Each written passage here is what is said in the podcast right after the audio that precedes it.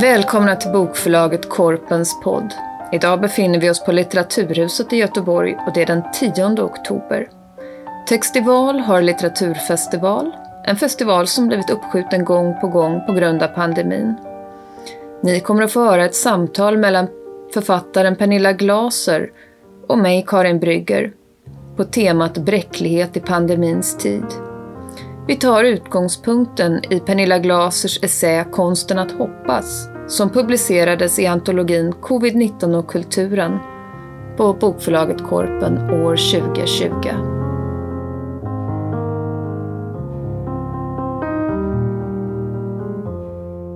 Karin Brygger som kommer att leda det här samtalet är poet, författare, doktorand i litteraturvetenskap och redaktör. Hon debuterade 2006 och de senaste åren utkommit med flera böcker, samtliga på bokförlaget Korpen. 2019 utkom samtidigt diktsamlingen Stationer och essän Estera. Och den senare skrev hon då tillsammans med Ivar Frischer. 2020 utkom diktsamlingen Månader brev. Och en av de texter som finns med i antologin är skriven av Pernilla Glaser som är författare, senast aktuell med ljudboksföljetongen Godhetsbrigaden från 2019. Hon har även en bakgrund som regissör och har arbetat med stadsutveckling och är idag senior processledare på forskningsinstitutet RISE. Glasers text i antologin heter Konsten att hoppas och där skriver hon om det som alla pratar om men ingen vet vad det är.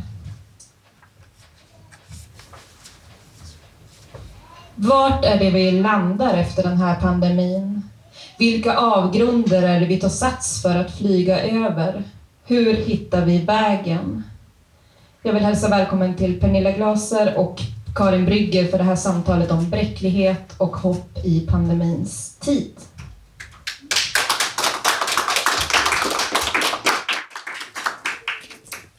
Tack så mycket. Uh, och tack Pernilla för att du har kommit hela vägen till Göteborg. Uh, vi ska som sagt tala om din text i den här antologin som Helena introducerade lite grann. Jag tänkte faktiskt att innan vi går in på din text så ska jag bara läsa uh, lite grann ur förordet på antologin så att ni får en liten bild av um, hur, hur den tog form. Texterna i denna bok är skrivna just när coronapandemin brutit ut våren 2020. I slutet av mars när det började stå klart för många av oss att viruset inte var ett snabbt övergående fenomen beslöt vi att be ett antal skribenter dela med sig av sina tankar kring virusutbrottet. Ingen visste, ingen vet ännu hur det skulle se ut eller hur det skulle komma att se ut under denna tid och efteråt. Det är lätt att bli lamslagen och vi ville göra något konstruktivt. Det visade sig att många av dem vi tillfrågade också ville det. Gensvaret var större än vi vågat hoppas. Flera av de tillfrågade sig sa att de gärna medverkade men inte förmådde. Någon sa sig vara förstummad. De andra skickade in sina bidrag. Under svåra situationer har det dock som sagt alltid funnits de som upplåtit sina röster omedelbart för att på ett eller annat sätt vittna om sin samtid. Deras berättelser har, om de blivit lyssnade till och kunnat präntas ner, kanske kunnat förskjuta något i verkligheten, förändra något. Kanske har någon kunnat lära sig något av dem, skapa en inre förberedelse på att det oväntade faktiskt kan ske. Vi vill ju så gärna tro att det oväntade är otroligt, omöjligt rent av. I alla fall att det inte kan hända här. Som Pet Shop Boys sjunger i It couldn't happen here. En låttext som analyseras i Anton Janssons text i den här antologin. Vi efterfrågade tankar om konstens och kulturens betydelse och meningsbärande funktion under kollektiva kriser. Pernilla, du var en av dem som vi tillfrågade ganska så snabbt. Jag var redaktör för de flesta av texterna, bland annat din. Uh, och du sa ju ja. Uh, din essä heter Konsten att hoppas. Uh, jag har skrivit ner några andra nyckelord som dyker upp i din text. Ovisshet, utmattning, konst, ensamhet och gemenskap. Ja, jag ska snabbt citera ett kort stycke om just ordet hopp eller begreppet hopp som du skriver här på tredje sidan i din essä. Hopp. Det svenska ordet är en känsla och en handling. Att ta sats och sedan efter ett ögonblicks viktlöshet landa någon annanstans. Vad är det vi landar efter den här pandemin? Vilka avgrunder är det vi tar sats för att flyga över? Hur hittar vi vägen? Det här skrev ju du våren 2020 och nu ser samhället annorlunda ut. Um, jag skulle tycka att det var intressant att höra vad den här tiden har gjort med dig. Mm, det är en ganska stor fråga. Ja. Vad den här tiden har gjort med Ja. mig. Eh, Och hur det förhåller sig kanske då till, till den här texten som är skriven i början och är en stor fråga. Mm. Eh, jag, jag har märkt eh, jag har märkt någonting i min nära omgivning som jag också märker hos mig själv. Och det är en, en sorts eh, bävan för och att vi också återgår till det normala. Det är både bävan och lättnad. Såklart en massa lättnad i att kunna mötas utan rädsla. Och eh, den berusande känsla som man möter när man går ut på stan och träffar horder av unga människor som äntligen får vara ute och ute och ute och ute. Det är underbart. Men det finns också en bävan inför att vi så att säga inte ska fånga upp den här erfarenheten av ömtålighet. Och den bävan uppfattar jag i, i min omgivning, jag uppfattar den i, på, på olika arbetsplatser där jag rör mig, olika grupper som jag arbetar med och jag känner den också inom mig själv. Att det är lite grann som att, att, att försöka hålla tag i ett såpat snöre. Att nu åker vi snabbt tillbaka in i ett sorts aktivitets och produktionsmode. Är vi redo för det? Nej. Är vi jättetrötta efter pandemin? Ja. Är vi har vi sorterat och reflekterat över den här trasigheten? Inte helt. Eh, och den, det kan man ju säga att den här tiden har gjort med mig. Alltså öppnat fler möjligheter att tala om sårbarheter. Också, också smärtsamma sådana, men, men inte bara. Utan också innerliga. Därför att varje arbetsmöte var, var, var det självklart att börja med frågan. Eh, hur mår du? Och det gick att ställa den så här. Eh, och det var tvunget att ställas. Eh, kommer vi fortsätta göra det? Kanske. Men inte om vi inte tar hand om det. Så den, det kan man säga att eh, jag är, är uppmärksam på.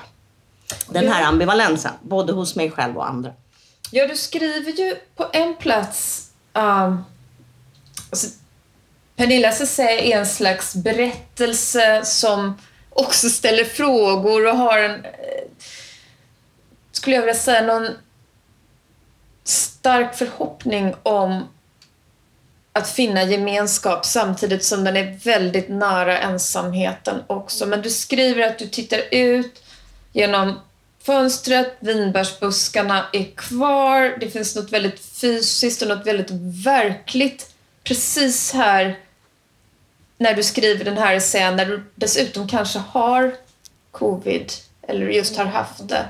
Uh, och där beskriver du en stillhet mitt i kaoset. Um, och att du faktiskt hoppas att den ska bli kvar. Och det är lite grann det, den, det som kunde uppstå i den här stillheten. En slags uh, närvaro och samtidigt, åtminstone som jag, som jag minns den perioden, en väldigt, väldigt förhöjd närvaro. En väldigt... Uh, ja, en förstärkt närvaro som också var, låg väldigt nära sorg. Ja, men jag njöt väldigt mycket av att uh, världen blev, eh, min egen värld eh, förminskades. Det vill säga jag förväntades röra mig mindre. Mm. Um, men idag kan jag ju tänka att det du säger om vad vi har lärt oss, det handlar ju inte bara om som sagt våra, att vi kan upptäcka vår egen sårbarhet och våra egna gränser utan vi har ju också upptäckt att solidariteten inte riktigt har den globala solidariteten har ju inte riktigt räckt till. Jag tycker att man skulle kunna också se att på ett större plan så har, så har västvärlden visat att uh, det stora, ska man, säga, man kan antingen kalla den ett gigantiskt uh, felaktigt skuldproblem eller så skulle man kunna säga att det är en sårbarhet också att vi inte har uh, hjälpt till tillräckligt. Um, och det tycker jag också är något man skulle behöva lära sig av. Alltså att se att vi sitter här nu och vi är vaccinerade. Eh, men många är det inte. Um, där finns också en... Det liksom pågår på flera olika plan. Um, hur förändrade det dig när du skrev ner de här tankarna? Ja, men det, för, det, man kan säga att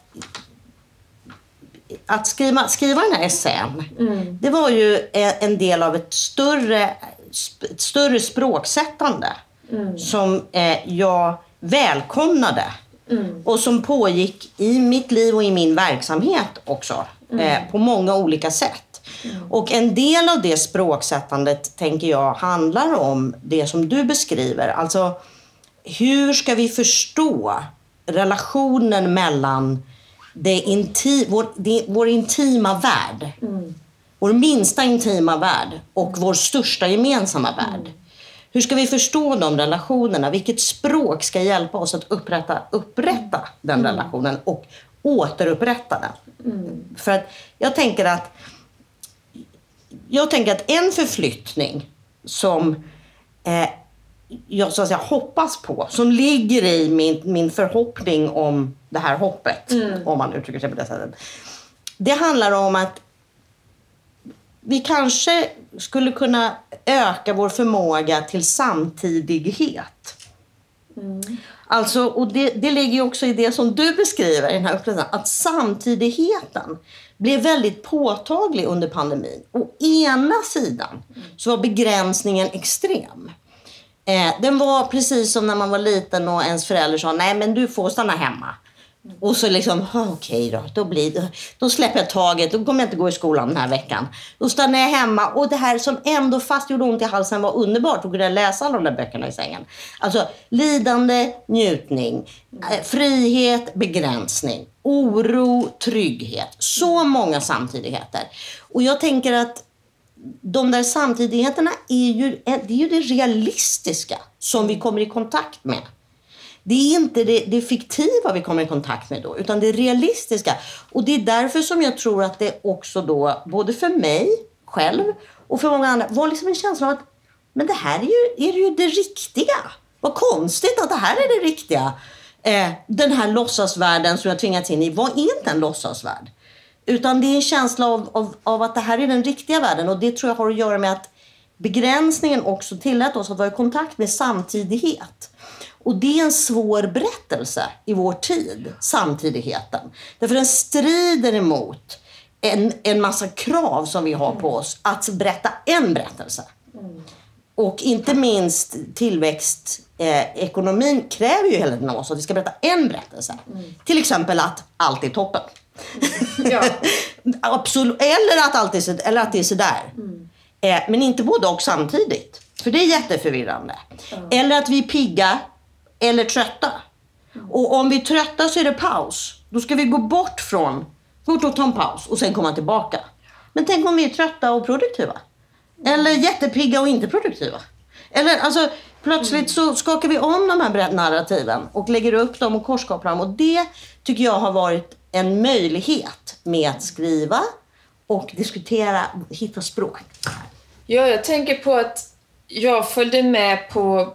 Ja, men jag som man gör, man var ju ändå en del på Facebook under den här perioden och då följde jag dig och jag såg eh, en slags stark kreativ eruption samtidigt som du just vågade prata om trötthet och jag var med på ett av de här du startade upp ett slags seminarium uh, med massor av olika människor. Sen så orkade jag inte följa med Nej. på resten.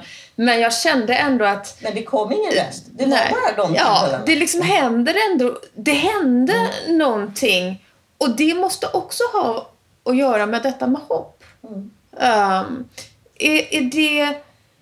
För mig så var det som blev tydligt under den här... Jag kände att det jag alltid har vetat är sant. Alltså alla mina neuroser tyckte jag som folk har uppfattat, ja, men du är så rädd för döden och varför tror du att allt är farligt och varför ska du dubbelkolla det här? Jag bara, se jag visste det all along liksom. Och min mamma visste det, hon kom direkt och sa testamentet ligger där och där.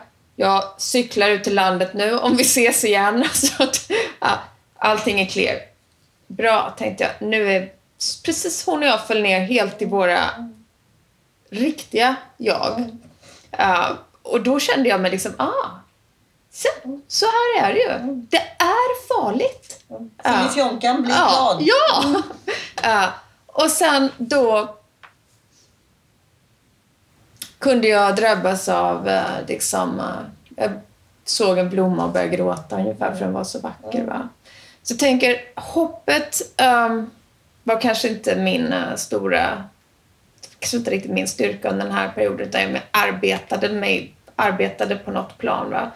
Men är hopp någonting som du har hållit på med länge? Alltså både det här med skörhet, bräcklighet och hopp. Det är ju så starkt i texten. Är det, är det någonting som du har...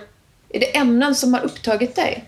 Ja, absolut. Verkligen. Och jag ska inte göra mig till uttolkare för hur du har upplevt det. Men jag tänker att det, det finns någonting med att göra hopp. Både mm. i den här nyktra, nyktra, ja nu är katastrofen här, mm. och i den här rörelsen över, mm. över blommans skönhet. Mm. Därför att jag, jag läste för ganska många år sedan, när, när Donald Trump eh, vann så skrev Jono Diaz en artikel som hade rubriken eh, Det radikala hoppet är vår enda möjlighet. Mm. Och skrev om, om filosofen Lears begrepp, radical mm. hope. Mm. Alltså det vill säga en position som man aktivt tar. Mm. Det är det som är radical hope. Det är liksom mm. inte något man hoppas ska plötsligt uppfylla en.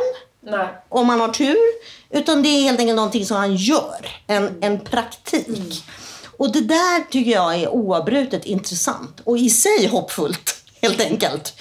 Mm. Och Bodil Malmsten pratar om glädjens förbannade plikt. Det finns liksom ett släktskap mm. mellan de här positionerna. Alltså, ja men nu, hoppas, inte hoppas, nu gör vi det. Ja. Och så ser vi vad som händer. Och då tänker jag, då måste, måste det komma i och med en skörhet. Mm. Och det har jag undersökt mycket. Därför att det finns om man vill liksom jobba med samhällsomstörtning, vilket jag på något sätt utgår från att ni alla är intresserade av. Eller? Ja, ni nickar. Bra. Eh, då, då tänker jag då, då, då kan vi inte bortse från skörheten. För vi är ju sköra mm. och sjuka och ofullkomliga och ambivalent och allt det här som skörheten mm. är. Och det som jag har varit intresserad av och är intresserad av det är hur kan vi, hur kan vi använda det här på olika sätt som resurser? För att göra hopp tillsammans, det vill säga orka. Orka saker. Mm. Eller se saker utan att vara säkra på mm. vad det är vi uppfattar eller hur det ska beskrivas. Och stanna där mm. en liten stund tillsammans och vingla. Mm. Eh, och att det är liksom något som man får pröva. Mm. Helt enkelt. Det, det har intresserat mig mycket. Och där har ju liksom det här, det här covid-året har gett utrymme för mindre tvärsäkra samtal. Mm. Eftersom vi har, det har varit precis det som jag skriver om. Att ganska länge så var det liksom, det var som ett, ett väder. Man kunde liksom inte fånga det här riktigt. Är det livsfarligt eller är det okej? Okay? Mm. Är jag lite förkyld eller håller jag på att dö? Mm. Ja, något, det är något av dem. Liksom. Eh, och ja, hur ska jag börja prata om det? Mm. Ja, och ta hand om det. Ja, men jag tycker det här med att göra hopp är jätteintressant. Jag tror ju att när, du, när jag hör dig prata om det så tror jag ju att bara den här antologin som blev till var någonting sånt. Uh, och, och, vi producerade också, uh, var redaktör för, för en psykoanalytiker som skrev om, om pandemin. Och vars inledande texter var precis i den där samtidigheten. Och då blev jag, kände jag det här är någonting som är viktigt. Mm. Det här är någon som är som har stått väldigt stadigt, som inte gör det och som vågar tala om detta. Det, det måste, vi måste dit, vi måste få fram detta. Um, så det som intresserar mig när jag hör dig prata om det här med att göra hopp är också att det um, ska jag säga, framtvingar är ju fel ord. Jag verkligen, det här bara, var bara en tanke som jag äh, fick nu. Men alltså att det framtvingar också en möjlighet till kontakt. Äh, som jag upplevde på många sätt. Så väldigt många, ja, till exempel kontakten med dig. Um, men också kontakten med, med David som jobbar på förlaget blev helt annorlunda och rörde sig uh, Alltså från att vi brukar diskutera hur många tecken ska det vara där mm. till att ja, idag såg jag det här när jag var ute mm. och gick. Mm. Um, och att den kontakten är väldigt kreativ. Uh, men också rör sig i det här landskapet där där ingenting är riktigt bestämt, där man inte riktigt vet. Det är ju ganska likt, uh, hopp är på det sättet väldigt likt kärlek. Ja. Um, ett slags... Um, att inte veta och ändå veta att man vet inte vad det är, men det är rätt. Uh. Och det är också språnget, eller hur? Ja. att befinna sig i det här ja. viktlösa tillståndet. Ja. Så det är ju också ett sorts tillits, en till, sorts tillitsinvestering. Mm. Alltså, Nu säger jag något till dig som jag inte är riktigt säker på. Och eh, det det är en exponering här ja. som pågår. Eh, så jag litar på att du kan ta hand om det ja. på något sätt. Eller att ja. vi kan ta hand om det. Och jag tänker att där, det är också, det sätter ju också det kan också, den här heter ju, så titeln på den här sen är ju konsten att hoppas och det är ju liksom lite av en ordlek också eftersom jag skriver om betydelsen mm. av konsten mm. för att kunna hoppas. Mm. För jag tänker att konsten är ju många saker, men det är bland annat att kunna prata och visa och diskutera precis det du beskriver. Mm. Det som inte är fastslaget än. Mm. Och ge oss en gestaltning för det. Och att jag, jag har gjort många seminarier, möten och workshops och lärplatser och så. Där jag har så att säga, använt det här året till att liksom skyffla åt sidan allt som, allt som inte är det mänskliga kan man säga. Mm. Och så har jag sagt, okej okay, men nu, nu gör vi ett, vi gör ett möte som bara handlar om vad tröst betyder för oss. Mm. Och så gör vi det mötet. Så pratar vi om det. Och det har ju varit väldigt starkt. Mm. Att kunna göra det. Och det tänker jag, ja, är det, vad är det då? Är det forskning, pedagogik, konst, göra hobby? Ja, något av det. Mm. Det spelar ingen roll vad vi mm. kallar det. Mm. Men ett samtal kanske. Mm. Eh, där vi eh, också kan prata om så här, vad, är vad, vad, är betydelsen av det här för det vi vill göra i vår värld. Ja, men precis. Det här blir ju i, i förlängningen ett, ett väldigt, skulle jag vilja säga, om, om, man, om man utgår från att allting är politiskt så är detta också ett politiskt arbete. Ytterst. Därför att det som du säger är egentligen att krisen kan ge plats för vår mänsklighet på helt nya sätt. Och jag, I början av pandemin så skulle jag gå in i en affär. Min dotter samlar på tvålar. Och så skulle jag bara säga, ja, nej men jag, jag ska köpa den här tvålen till min dotter. Och så sa jag någonting, ja hur går det för er här i affären? Ja, vi är väldigt rädda, sa hon. Mm. Och sen så gav, sa hon, jag, jag ger dig tvålarna. Uh, Kapitalismens ja, sammanbrott. Det är liksom, hon bara, jag vill att din dotter ska ha dem. Mm. Du vet, det händer gång på gång den typen av totala överskridanden av det som, som brukar hända. va? Våra Eh, överenskommelser rasar ihop Ja. och det är underbart. Ja, precis. Att det fanns ju en väldigt stark... ehm, det, är, det är någonting med när det är akut så har vi inte tid um, med alla så här ska vi göra och så här ska det vara. Nej, men vi, det, det, är, det är ju uppgiften just nu kan man säga. Rebecca Solnit har skrivit en, en väldigt bra bok som handlar om vad, vilka mänskliga kvaliteter som vi uppvisar i naturkatastrofsituationer. Hon har studerat liksom, översvämning i New Orleans och jordbävningar och sådär. För att undersöka eh, vad händer då egentligen? Och det som hon belyser i de tre exempel som hon har i den här boken det är att vi, vi, vi, vi vänder oss mot kollektivet. Naturligtvis så har vi också en massa människor som liksom springer till skogs med jättemycket toapapper med sig. Men i, stort så liksom vänder vi oss till kollektivet. Vi kollar liksom, har ni vatten och sådär. Vi, vi tar hand om ett kollektiv. Eh, och hennes fråga i den här boken är ju, hur ska vi ta med oss den här kompetensen? Som vi tydligen eh, uppvisar utan att ha haft några möten om den. Utan vi bara sätter igång och gör det här. Eh, Till synes instinktivt så att säga, i våra olika samhällen. Spelar ingen roll vilken tid vi är eller vilken samhällsklass. Det, det där är underordnat. Vi gör det. Hur ska vi ta med oss den kompetensen? Eh, till ett läge där vi inte är skräckslagna och vårt hus rasar ihop och vi är förvisade från våra vanliga liv. Så att jag tänker att det har också att göra, det, har göra, det du säger är ju att försöka hitta den här sense of urgency och hålla tag i den tillsammans. Hur gör vi det? Eh, så att inte min mamma behöver skicka mig i säng när jag har feber. Jag kan komma själv ihåg att nu är det viktigt. Och, och så kan vi kanske hjälpas åt att komma ihåg det. Och hur gör vi det? Så att vi kan fortsätta att utmana och rasera de här systemen. Därför att jag, jag tycker, min uppfattning är att, att det är med mycket blandade känslor som människor å, så att säga, återgår till de roller, uppgifter, arbetsmodeller som vi hade Ja, innan pandemin. Ja, men jag tror att det stämmer bra. Det fanns en, det fanns en sån frihet och en sån plats. Eh, jag tycker att det är så intressant det du säger, hur man ska kunna uh, ta med sig... Det handlar kanske om att ha sin egen sårbarhet närvarande för att kunna se andras sårbarhet. Och det är någonting som är så avstängt idag, att ha sin sårbarhet nära. Men jag tänker att jag brukar tänka att um,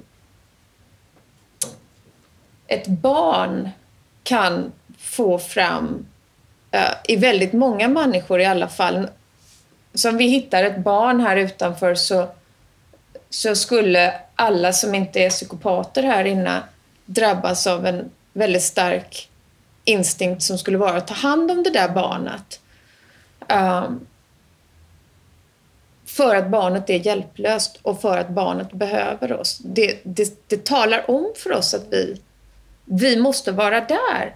Men vad är det som... Hur, hur ska man få detta att stanna? Jag tycker det... Jag har inte läst den boken av, av Solnet. Jag har läst mycket annat av henne. Men jag menar, det är också beskrivningar av hur det var eh, på 9-11 eller till exempel i Göteborg för två veckor sedan när det här huset exploderade och alla jag är med i någon grupp som, sån där, mitt, mitt område där jag bor. Vad händer i området? Ja, vi måste genast. Kan alla komma dit med saker de behöver oss? Om man inte kan komma, ni kan skicka pengar. Uppdatering. De flesta har fått kaffe. Och det, det är tvärs. Det, det är en bit bort alltså. Um, hur, hur, hur har... Hur, hur går de här samtalen som du har med folk om detta? Ja, men jag tror att nu kommer jag tillbaka till det här med, med flera berättelser samtidigt. Eh, jag, jag, jag brukar tänka på ett, en, ett citat från en eh, eh, toxikolog och, och processledare som heter Monica Sharma som är varje plats är en plats från vilken man kan förändra allt. Det, det försöker jag ha i fickan eh, var, varje dag. Eh, Varje plats. och, och jag tänker att det spelar egentligen ingen roll om det är sant eller inte. För det är i alla fall hjälpsamt för mig att tänka på det. Och jag tänker att vi, vi är, behöver tydligen hjälpa varandra att så att säga lokalisera det här skyddslösa barnet. Därför att när vi inte stannar upp och säger så här, var är det där barnet nu igen? Då faller vi för frestelsen att vi har läget under kontroll. Och det är som om det är vår största frestelse. Att nu är läget under kontroll. Vi har löst problemet. Och det, den frestelsen kan inträffa liksom på en konferens. Eller när som helst. Så känner vi liksom yes, vi har läget under kontroll. och eh, då behöver vi det här motvaccinet som är att vi säger så här. Någonstans ligger det ett naket barn och skriker. Var är det? Och så Det- pratar vi med varandra om det. Var är det någonstans? Ja, det är planeten. Ja, visst ja. Eh, det är planeten ja. Eh, eller ja, ja, men det är ju de som inte blir insläppta i landet. Ja, visst ja. Det är de. Alltså, vi behöver hela tiden aktualisera för oss själva de här nakna barnen som ligger överallt och skriker och behöver tas om hand. Och det sker, tror jag, precis som i din eh, Facebookgrupp. Det sker i våra små samhällen. Det betyder inte att vi inte ska engagera oss och diskutera den globala skalan. Men vi ska använda den här ficklampan som Monica Sharma ger oss. Som är, vad i min närkontext hjälper mig att lokalisera sårbarheten hos mig själv och hos de som är omkring mig. Och vilken aktion är det som jag kan vara delaktig i där? Ja, det är kaffekokandet. Eller det är klädinsamlandet. Eller det är motionerna. För det är ju faktiskt också så som vi, vi bygger och bygger om demokratier. Alltså det vill säga en community i taget. Med de handlingar och omförhandlingar vi gör där. Så det tänker jag är, det är, det är, det är där det händer. Och det är, of, det, det är där som de samtal och sammanhang som jag verkar i tittar. Var någonstans kan jag gå med handling? Eller vad sker redan handling? Som tar med sig den här sårbarheten. Stellan Windhagen som är freds och konfliktforskare har skrivit en eh, jättebra bok tillsammans med Anna Johansson som är här på Göteborgs universitet. Som heter Everyday Resistance. Contextualizing Everyday Resistance. Som handlar om det här vardagsmotståndet som är liksom Ja, det märks nästan inte. Märk, märks nästan inte. Ibland kan det bara vara så här, dra benen efter sig. Eh, inte jobba så fort som de säger att jag ska göra. Vardagsmotstånd. Alltså, och, ibland är det vardagsmotstånd som jag vill helst inte att ni pratar om det. Antingen för att det hotar mig till livet eller bara för att det inte vore, o, o, det vore inte bra. Jag skulle få sparken. Där. Kan liksom. Så att det här, de försöker undersöka så här, vad är de här små trådarna som gör... Och de innehåller ofta stor sårbarhet. För det gör ju motstånd. De små stygnen. Ja, det är så intressant ehm, ja, att höra när du pratar om att den här stora frestelsen i vårt samhälle är att uppleva att vi har allting under kontroll. Jag vet att jag läste under pandemin Susanne Sontags bok Att se andras lidande som just pekar på i något inledande kapitel arbetar med att vi, vi föreställer oss att, ja, men att detta inte kan hända här. Ungefär som den där Pet Shop Boys-låten som ju är, oavsett om man gillar Pet Shop Boys eller inte, beskriver precis att detta... Vi har ju saker under kontroll. Det, det, det, det händer inte mig. Men så beskriver du hur man ska hitta det här skrikande barnet som flyttar sig runt. Och så tänker jag på alla de här... Att viruset i sig verkligen framtvingade det här. Säger Tegnell. Så här är det. Och sen två dagar senare. Det är så här nu. Och svårigheten som det har varit att acceptera eh, att ingen vet. Inte de heller. I, experterna vet ingenting. Va? Utan att leva i eh, den här hela, hela tiden den här eh, destabiliserande eh, världen som då framtvingar, tror jag, precis den närvaro du pratar om, där man skulle kunna börja, eller där fler människor skulle kunna börja uh, se sig om. Och då skulle man ju nästan undra om vi har haft det i det här landet, om vi har haft det så att säga för bra. Om vi är avtrubbade. Det tror jag inte. Nej. Och jag tror inte heller att experterna inte vet något. Nej. Utan jag tror att den här dragkampen med experterna Mm. som vi har sett och som vi fortfarande ser. Den tror jag i, i, i, i, en lycklig tolkning av det här, Ja. Mm. eller en lycklig möjlighet i det här, som skulle kunna komma ur det här, är att det har tvingat oss att fundera över vad är, vad är samhällsinstitutioner? Mm. Vad, vad anser vi att samhället är? Mm. Därför att det jag tänker är att vi har inte levt, tycker jag, i en så avtrubbad tid. Däremot har vi levt i en extremt individualiserad tid. Det är min upplevelse. Och vi har liksom gemensamt kommit överens om att det är, det är individen som är det som gäller i våra samhällen, i den här delen av världen. Och eh, det är upp till dig eh, hur, hur du hanterar ditt liv och vad du ser för möjligheter och så. Och vissa saker med det har ju varit bra. Därför det har ju också stärkt en del viktiga rättighetskamper. Men a- andra saker med det har varit helt åt skogen. För att det har hjälpt oss att ha en, en helt felaktig föreställning om att vi faktiskt är in, solitärer. Vilket helt enkelt är fel. Eh, och en ganska grumlig föreställning om våra demokratiska institutioner. För vi har haft så många andra alternativ. Internet är min demokratiska institution. Jag struntar väl i Försäkringskassan. Alltså, Ja. vi har liksom, samhället är någon annanstans. Och nu har samhället plötsligt ställt sig upp och sagt vårt samhälle gör så här, Norges samhälle gör så här. Oj, jaha, vad ska jag tycka om det? Vilken grupp ingår jag i? Eh, och den diskussionen tror jag är bra.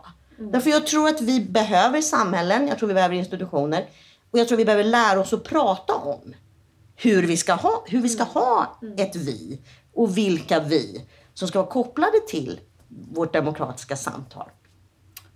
Superintressant. Nu ska jag läsa ett annat litet Förlåt stycke. om jag nej, jag tycker att det är, nej, jag tycker att det, det är väldigt intressant hur det här samtalet också öppnar upp din text. Uh, hoppas att ni alla sen skaffar boken. Det är, finns jättemånga, som sagt, det är en enorm blandning av texter i den här. Det är liksom musikprofessorer och det är musiker och eh, fotografer och det är dramatiker, eh, poeter, psykologer, läkare. Alla kommer från sitt håll, men man kan också se att man kommer med något som man har tänkt på eller att man kommer ur, ur en personlig erfarenhet till sin text. Jo, jag tänkte att vi skulle äh, återgå lite grann till äh, det som har med kultur att göra. Du pratade ju nyss om äh, konsten som en plats där ambivalens eller det, det ännu icke bestämda, eller kanske det som inte behöver bestämmas för att betraktaren kan tolka. Va? Uh, och du återkommer till, till att hur du, hur du läser till exempel, men sen så kommer du också in på um, att efter pandemin kommer jag att minnas hur kulturarbetare spolades upp på land som fiskar ur havet, hur de lämnades där kippandes efter luft. Teatrarna och museerna med sina tillfälligt stängskyltar och de inställda konserterna. Vi möts inte i det gemensamma skrattet om plötsliga applåderna eller i närheten med de andra som betraktar samma målning från sina egna hemliga utsiktspunkter. De platserna är tillfälligt stängda och vi är tillfälligt stängda för det vi upplever där tillsammans. Nu är den öppna scenen våra skärmar. Vi kryper upp i varsitt soffhörn och trycker fram vårt eget flöde. Uh, jag tänkte att vi kanske skulle prata lite grann om, om kulturarbetet, hur det har varit uh, rent praktiskt. Vi har ju Vi har rört vid det på ett så att säga, lite mer metaplan. eh, hur det har känts, vad fördelar och nackdelar. Men eh, hur har ditt eget arbete rent praktiskt påverkats? Hur har dina egna möjligheter Ja, men jag, jag är, att, att, att vi också pratar lite om det på metaplan, det beror ju också på att jag, min, min yrkesroll är ju lite som en sån här eh, mittemellan-figur. Alltså det vill säga, jag arbetar ju mest som... Eh, jag, jag, dels så skriver jag och det är ju på ett sätt helt oförändrat. Alltså det vill säga, jag sitter kvar vid mitt köksbord och skriver oavsett eh, vad som händer. Men, men sen arbetar jag ju väldigt mycket i en sorts mäklande roll som processledare och metodutvecklare. Det vill säga jag samlar människor till olika typer av undersökningar tillsammans. Och jag har gjort väldigt mycket arbete där konsten har mött forskning och civilsamhälle på olika sätt. Och därför så kan man säga att, att konsten då är det här händer mina kompisar kan man säga. Eller det här händer en tredjedel av dem som jag behöver jobba med. Eh, när jag skriver om de här fiskarna som spolas upp ur havet. Så, så står ju jag, om jag arbetar eh, med forskare och civilsamhälle så ser jag, okej så här behandlas forskarna i den här situationen. Ganska väl. Så här behandlas konsten. Skitdåligt. Det här, är in, det här berättar ju någonting om vårt samhälle. Det här är ju problematiskt. Och jag kan inte heller bjuda in konsten i de här processerna på samma villkor för de är fullt upptagna med sin blotta överlevnad. Alltså det, där borta är det total skogsbrand liksom, i denna. Folk klarar inte av att betala hyran. Det plötsligt är det liksom... Och, och det tycker jag är... Så för mig personligen så har det mest handlat om att helt enkelt bli upprörd och förtvivlad över vad det här berättar om oss som samhälle. Men det har inte haft så stora konsekvenser för mitt eget personliga skapande. Och det har snarare försatt mig i ett besynnerligt skruvstäd av att känna att nu behövs, de här, nu behövs konsten mer än någonsin. De har då suttit i den första krisgruppen. Den första krisgruppen. Och det har bestått av poeter och konstnärer också. Inte bara forskare och politiker. Eh, för vi borde direkt ha börjat prata om vad är det för samhälle som ska ta hand om det här. Och vad är det för samhälle vi ska komma tillbaka till. Då hade konsten behövt vara representerad där. Det här knyter ju precis an till en... När, när David och jag bestämde oss för att göra den här antologin så var det delvis för att vi förstod precis att det här skulle hända. Det skulle bli total torka, vi skulle liksom dö ja, rent. Alltså vi skulle inte ha mat. Och så sa jag, men, men konst är ju det både den här platsen som du pratar om, men det är också en plats där man kan, alltså som läsande människa, så är det för, i, i hög grad en plats för mig där jag känner mig mindre ensam. Därför att någon annan har varit med om det här. Jag kan spegla mig i din erfarenhet. Jag är med dig, du är med mig. Så sa jag, vad ska vi göra? Alltså, borde man skriva en debattartikel? Nej. Till slut sa vi, okej.